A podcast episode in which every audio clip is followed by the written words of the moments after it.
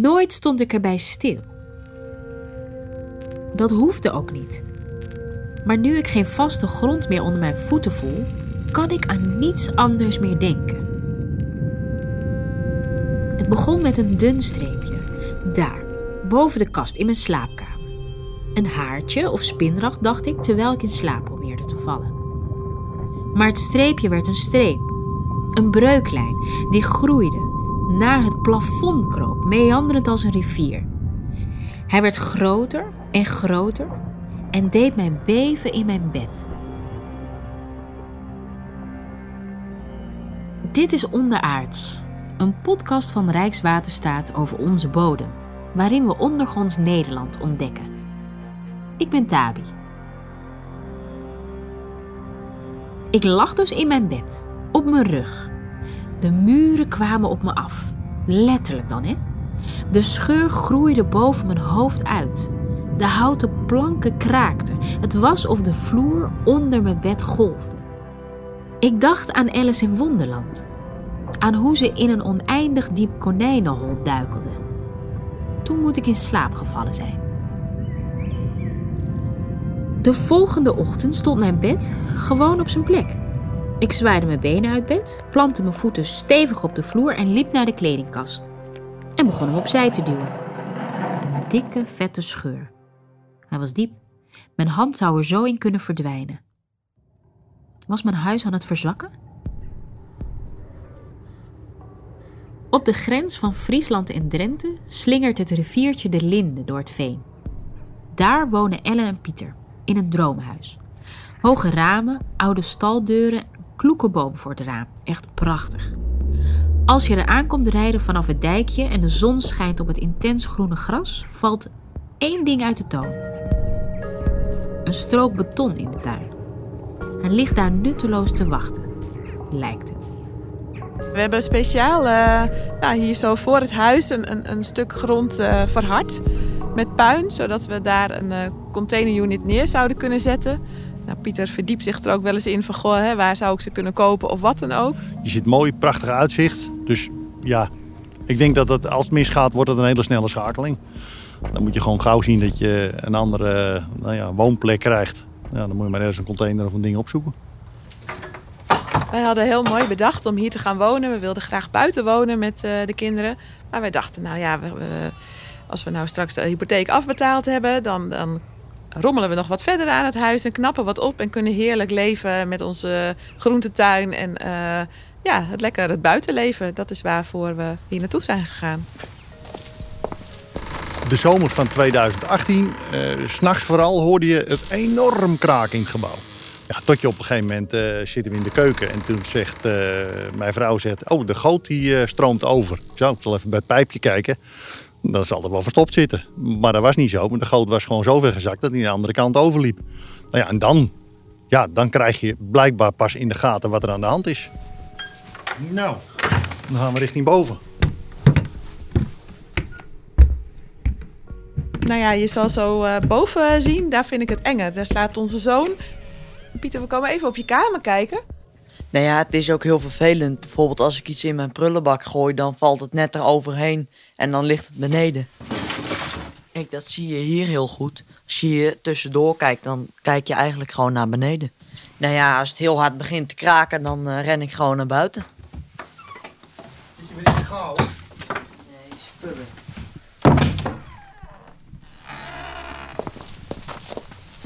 Nou ja, je hebt hier, uh, als je hier de, de, de, muur hebt, hier bij het anker, overal heb je hier gewoon scheuren zitten. Het is een soort mozaïek geworden.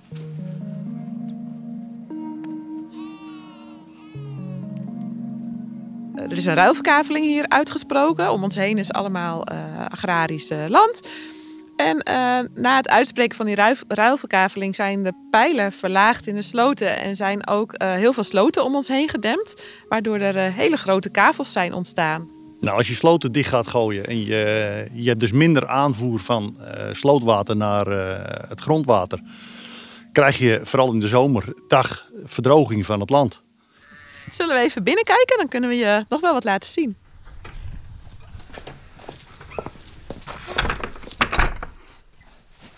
Nou, hier is de, de kelder. Pas op voor je hoofd hier. De keldervloer die, die scheurt helemaal, die hangt, want de bodem onder de kelder is eigenlijk weg.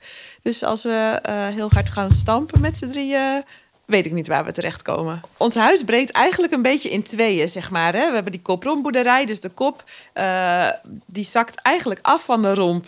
En dat kun je nou ja, hier in huis heel goed zien. Ehm, hier zie je scheuren en ehm, nou, dat gedeelte zakt eigenlijk weg. En dit gedeelte blijft een beetje staan. Voor de kinderen is het natuurlijk, uh, het is best een ding. We, spreken nou ja, bijna dagelijks wel over, goh, hoe moet het nou en hoe kunnen we verder of wat kunnen we verwachten. En uh, nou ja, de, de, beide jongens zijn 15, maar zeggen wel heel duidelijk tegen ze, als het echt hard gaat kraken, het enige wat je moet doen is hard naar buiten rennen. Direct. Nou, ik zie zo'n container toch een beetje als uh, een beetje kamperen, denk ik wel. Um, de ruimte zou natuurlijk veel beperkter zijn dan dat we nu hebben. Maar je kan meerdere uh, units aan elkaar koppelen. Uh, dus zo zou je ze, nou ja, groter kunnen maken. Of uh, uh, je zou ze zelfs kunnen stapelen. Net als dat je wel eens ziet op, op bouwwerkplaatsen. Dat je van die containers bovenop elkaar ziet staan. Maar ja, we zullen dan ook uh, ja, niet heel groot gaan. Omdat we hopen dat het voor tijdelijk is. Ja. Mijn huis verzakt ook, realiseerde ik me. De ochtend nadat ik de scheur had ontdekt, loop ik naar buiten en kijk naar de stoep onder mijn voeten. Als mijn huis zakt, waarin dan? Waardoor? Ik spring. De grond geeft geen krimp. De tegels kijken onbewogen terug. Ik spring nog een keer. Niks. Er lopen mensen over straat. Ik voel me een beetje bekeken. Als ik zeker weet dat niemand me kan horen, vraag ik: Hallo? Hallo? Ik vraag het de aarde. Wat zit er onder die tegels? Onder het plaveisel, het strand, zeiden de hippies in de jaren 60. Voor wie ze verbeelding gebruikt dan? Ik weet niet wat er onder mijn voeten gebeurt. Is dat niet raar? Ik weet niet waar mijn huis op leunt. Mijn veilige haven. Fundering en duisternis en iets met vocht en ratten? Ik heb alleen vage vermoedens, geen zekerheden. Wat als ik dieper zou graven? Wat als de bodem zou kunnen praten? Um, een beetje onwennig zou ik wel klinken, denk ik. Ik zal me misschien eerst voorstellen. Ik ben Veen. Nee, niet van Veen. Geen familie van Herman. Gewoon Veen. Ik ben geboren uit een gelukkig huwelijk tussen planten en water. Ja, als ik daarover nadenk, zwel ik op van trots. Water, planten, weinig zuurstof, de schoonheid van eenvoud. En daar was ik. De invloed die ik op dit land heb gehad is nauwelijks te overschatten. Ja, dat is gewoon zo. Toch wordt er nogal over me heen gelopen. Jullie mensen lopen meestal met de neus in de lucht. Vooruitkijken. Dat is belangrijk. Ik houd meer van mensen, meestal zijn dat kinderen, die in de grond vroeten of de aarde aftasten tijdens het lopen. Op zoek naar een steen, een stukje hout, een vreemd stuk wortel. Je weet niet wat je allemaal kan tegenkomen. Glazen oog, een schat. En dan zo boem tegen een boom opbotsen. Van dat soort types houd ik. Maar door de meesten word ik dus niet opgemerkt. Ja, door aardrijkskundeleraren. Of als curiosum. Oh, een echt stuk veen. Oh. Dan komen de volkstammen speciaal kijken. Dan noemen ze me oerveen. Ze trekken hun schoenen uit en springen. Ze gillen als kinderen. Ze persen mijn water tussen hun harige tenen. Ik, ik doe braaf mijn kunstje. Ik veer. Ik waggel. Ik duw terug. Ja, ik hou van dansen. Duizenden, honderdduizenden jaren danste ik. Ik vormde een uitgestrekt moeras over Nederland. Maar er is veel met me gebeurd sinds die tijd. De mens ontdekte bijvoorbeeld 100 jaar geleden dat ik prima brandstof ben. Graaf mij af, wring het water uit mijn lijf en ik word turf. In de oven, pan erop en hoppa, de aardappeleters kunnen aan tafel. Je zou voor de grap eens op de kaart van Nederland moeten inzoomen. Dan zie je welke gaten in mij geslagen zijn. Littekens in de vorm van eindeloze rechthoekige plassen. De Vinkeveense, Loosdrechtse, de Nieuwkoopse. De Nederlander kwam, begon te graven en overwon. Hij groef turf en eindeloze rechte sloten. Er moest en zou namelijk landbouwgrond van mij gemaakt worden. Ik ben in veel dingen goed, maar vraag me niet om graan en gras en mais voor te brengen of koeien te verdragen. Daar ben ik veel te nat, veel te zuurig voor. Nee, geef mij maar mos. Lekker sappig mos of bessen desnoods. Anyways, al dat gegraaf kon ik niet zonder gevolgen laten. Als het water uit me geperst wordt, verander ik voorgoed. Dat klinkt wat radicaal, maar ik kan daar niets aan doen. Ik word kleiner en harder. Ik klink in. Ik zal nooit meer zwellen van trots. Of dansen tot de ochtendmist is opgetrokken. Sinds de ontdekking van de scheur in de muur achter de kast verdiep ik me in de bodem. Ik kan er niet mee ophouden. Als je je ergens in verdiept, komt het tot leven. En dan kom je opmerkelijke dingen te weten. Dat de bodem de afgelopen duizend jaar in Nederland 10 meter gezakt is. 10! Dat sommige gebieden met 2,5 centimeter per jaar zakken. Moet je je voorstellen, we zakken met z'n allen. En wist je dat veen een enorme voorraad CO2 in zich herbergt? Dat komt vrij wanneer het veen indroogt. Beter voor het klimaat als het daar blijft. Maar wat me misschien wel het meest verbaast, is hoeveel de bodem ons vertelt over hoe wij mensen zijn. Onverbeterlijke optimisten. Neem veen. Dat is zuur en nat van nature en totaal ongeschikt voor graan of voor koeien. Wat doen wij? Ons erbij neerleggen, het bijltje erbij neergooien, ergens anders wonen? Nee, wij gaan leren, traineren, innoveren, bemesten. We laten graafmachines aanrukken, graven sloten en bouwen gemalen. Gaat de bodem dalen en wordt het ons weer te nat, graven we meer sloten, diepere sloten. We hebben overal een oplossing voor. Daalt de bodem nog verder? We bouwen woningen op palen. De bodem daalt nog verder, de riolering breekt, we bouwen riolering op palen. Maar echt, wij zijn optimisten. Bart Krauwers is van alle optimisten een bovengemiddelde optimist. Hij besloot veen eens helemaal anders aan te pakken. Hem voor zich te laten werken. Bart is filosoof, geen boer, maar dat weerhield hem er niet van om de boel ambitieus aan te pakken.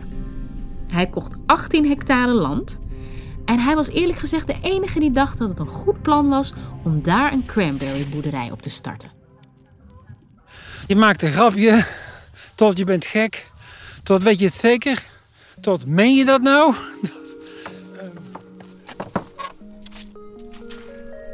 De eerste vijf jaar moet je voor de planten gaan. Dus go for the plants. Don't go for the berries. Dus, dus die bessen, ignore. De eerste vijf jaar, daar kijk je niet naar. Je moet eh, een doorzetter zijn, geduldig zijn, maar ook optimist zijn. Kijk, hier zie je, dus hier is hij al groen geworden. Hier zie je hem zelfs bovenaan paars en de rest is groen. Dus deze gaat nu langzaam maar zeker van winter naar lente. Wij waren zeker de eerste paar jaren wel eens de wanhoop nabij. Uh, en,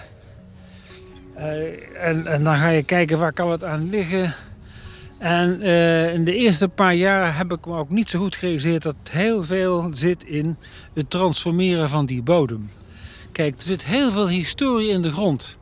En eigenlijk, dat hebben we niet gedaan, maar eigenlijk zou ik iedere nieuwe teler willen aanraden. Voordat je begint, trek na wat is daar tien jaar geleden gebeurd? Wat is daar twintig jaar geleden gebeurd? Welke boer heeft erop gezeten? Wat is daarmee gedaan? Hoe is dat bemest? Want kijk, we hebben hier dus uh, percelen, die, daar kun je nou, daar in, in oostelijke richting en westelijke richting nog zien. Die zijn gewoon tientallen jaren, wat zeg ik, eeuwenlang gebruikt als weiland. Voor de grazers, voor de koeien, voor de melkkoeien. En uh, dat betekent dat dat weiland is dus voortdurend bemest om rijk, eiwitrijk gras te krijgen. Dan krijg je ook eiwitrijk melk. En het is ook met regelmaat bekalkt om het uh, te zorgen dat het niet te zuur wordt. En waar we naartoe moeten is heel arm en heel zuur en heel vochtig. Dus het is nogal een ommekeer, nogal een, een transformatie van die bodem. En dat gaat wel als je maar geduld hebt. Het duurt even, doe je niet in een paar weken. Het duurt een aantal jaren. Laten we dit veld eens gaan bekijken.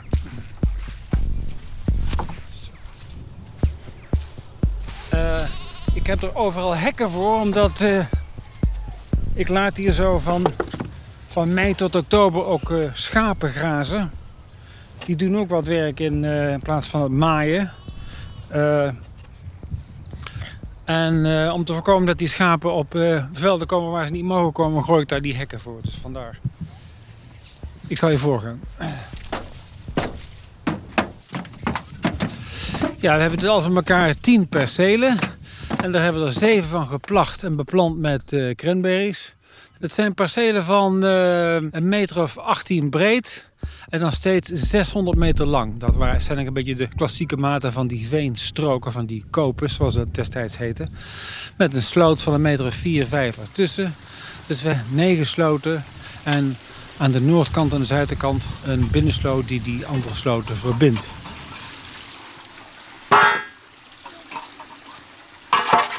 De cranberry is een bodembedekker, dus hij is niet zo zichtbaar. Uh, maar hij is winters wel paars, dus zo onderscheidt hij zich. Kijk, zie je, hier zie je dus plantjes, hier begint dus zo wat. Kijk, hier nog weinig. Nou, het is nog uh, behoorlijk uh, zompig. Poeh, ja, dus, dus er moet nog wat iets droger worden voordat we hier kunnen gaan maaien en andere dingen kunnen gaan doen. Op een gegeven moment zijn de boeren hier, of deze hele strook hier, uitgekocht onder het motto: joh, dit wordt niks meer, dit zakt veel te, veel te snel. En die bodemdaling moeten we echt stoppen. Mijn idee was toen van, goh, uh, kun je niet in plaats van de agrarisch gebruik helemaal stop te zetten, kun je niet denken aan een ander agrarisch gebruik wat kan met een hogere pijl. En met een, een soort van natuurontwikkeling. Dus je kunt het combineren. Toen had ik gehoord van cranberries, die doet het goed op veengrond. Ben ik daar verder ingedoken. Kijk, hier zie je een stuk waar de cranberry stuk van de bodem al aan het veroveren is. Kom ik even terug bij het verhaal. Uh, mijn eerste instantie was niet om zelf dit te gaan doen, maar ik ben toen met een aantal boeren gaan praten van... Uh, jullie kunnen iets anders doen. Dus op de lange termijn minder arbeidsintensief. Bedoel, je hebt een paar maanden werk aan het oosten en wat maaiwerk in het begin van het seizoen. Dat is het. Dus niet meer ochtends een vier uur de koeien melken. Leuk product en de markt is heel goed. Nou, de boeren hadden daar ook na enkele presentaties en veel discussie geen belangstelling voor. Jammer dan. Toen, omdat ik zelf steeds enthousiaster werd, ben ik er zelf maar ingesprongen. Dus, uh, dus toen dacht ik, en dan ga ik het zelf doen.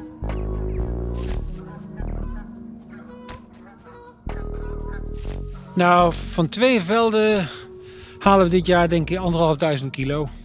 En dat is, uh, ah, lijkt heel wat, maar uh, de uiteindelijke opbrengst moet toch zijn iets van 10.000 kilo per hectare. En dan heb je het hier dus over 90.000 uh, 90 kilo. Uiteindelijk. Maar dat kan nog een tijd duren. We moeten af van die haast van... ik ga cranberry beginnen en wil ik volgend jaar kunnen oogsten. Weet je wat ik denk? Ik denk dat het Bart wel gaat lukken hoor.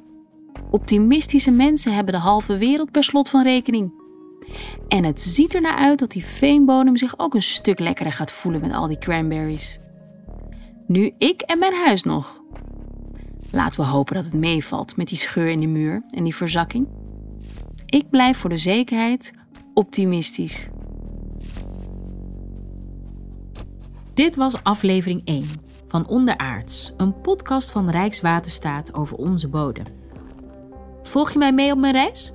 In aflevering 2, De Wereld volgens Worm, duik ik in de wereld van schimmels en wormen. Ik vind het gewoon een fantastisch diertje. Het is een wereld waarin ook wij leven, maar we leven eigenlijk gewoon langs elkaar heen. En spreek ik met zand. Jullie mensen houden niet van de natuurlijke aard der dingen. Je kan er de zandloper op gelijk zetten, zeker bij Nederlanders. Jullie vormen het land naar jullie eigen wensen. En Jacob van den Borne, die een revolutionaire uitvinding deed. We hebben de friet vorig jaar gelanceerd op de Dutch Design Week in Eindhoven. En uh, we hebben hele goede reacties gehad. Wil je meer informatie over bijvoorbeeld Bart, Cranberryman, of over bodemdaling? Check dan de show notes van deze podcast in je app. En vond je de aflevering interessant? Abonneer je dan of tip hem ook aan je buurman of moeder of collega of beste vriend. Onderaards is gemaakt door Aldus Producties voor Rijkswaterstaat. En ik ben Tabi. Tot snel!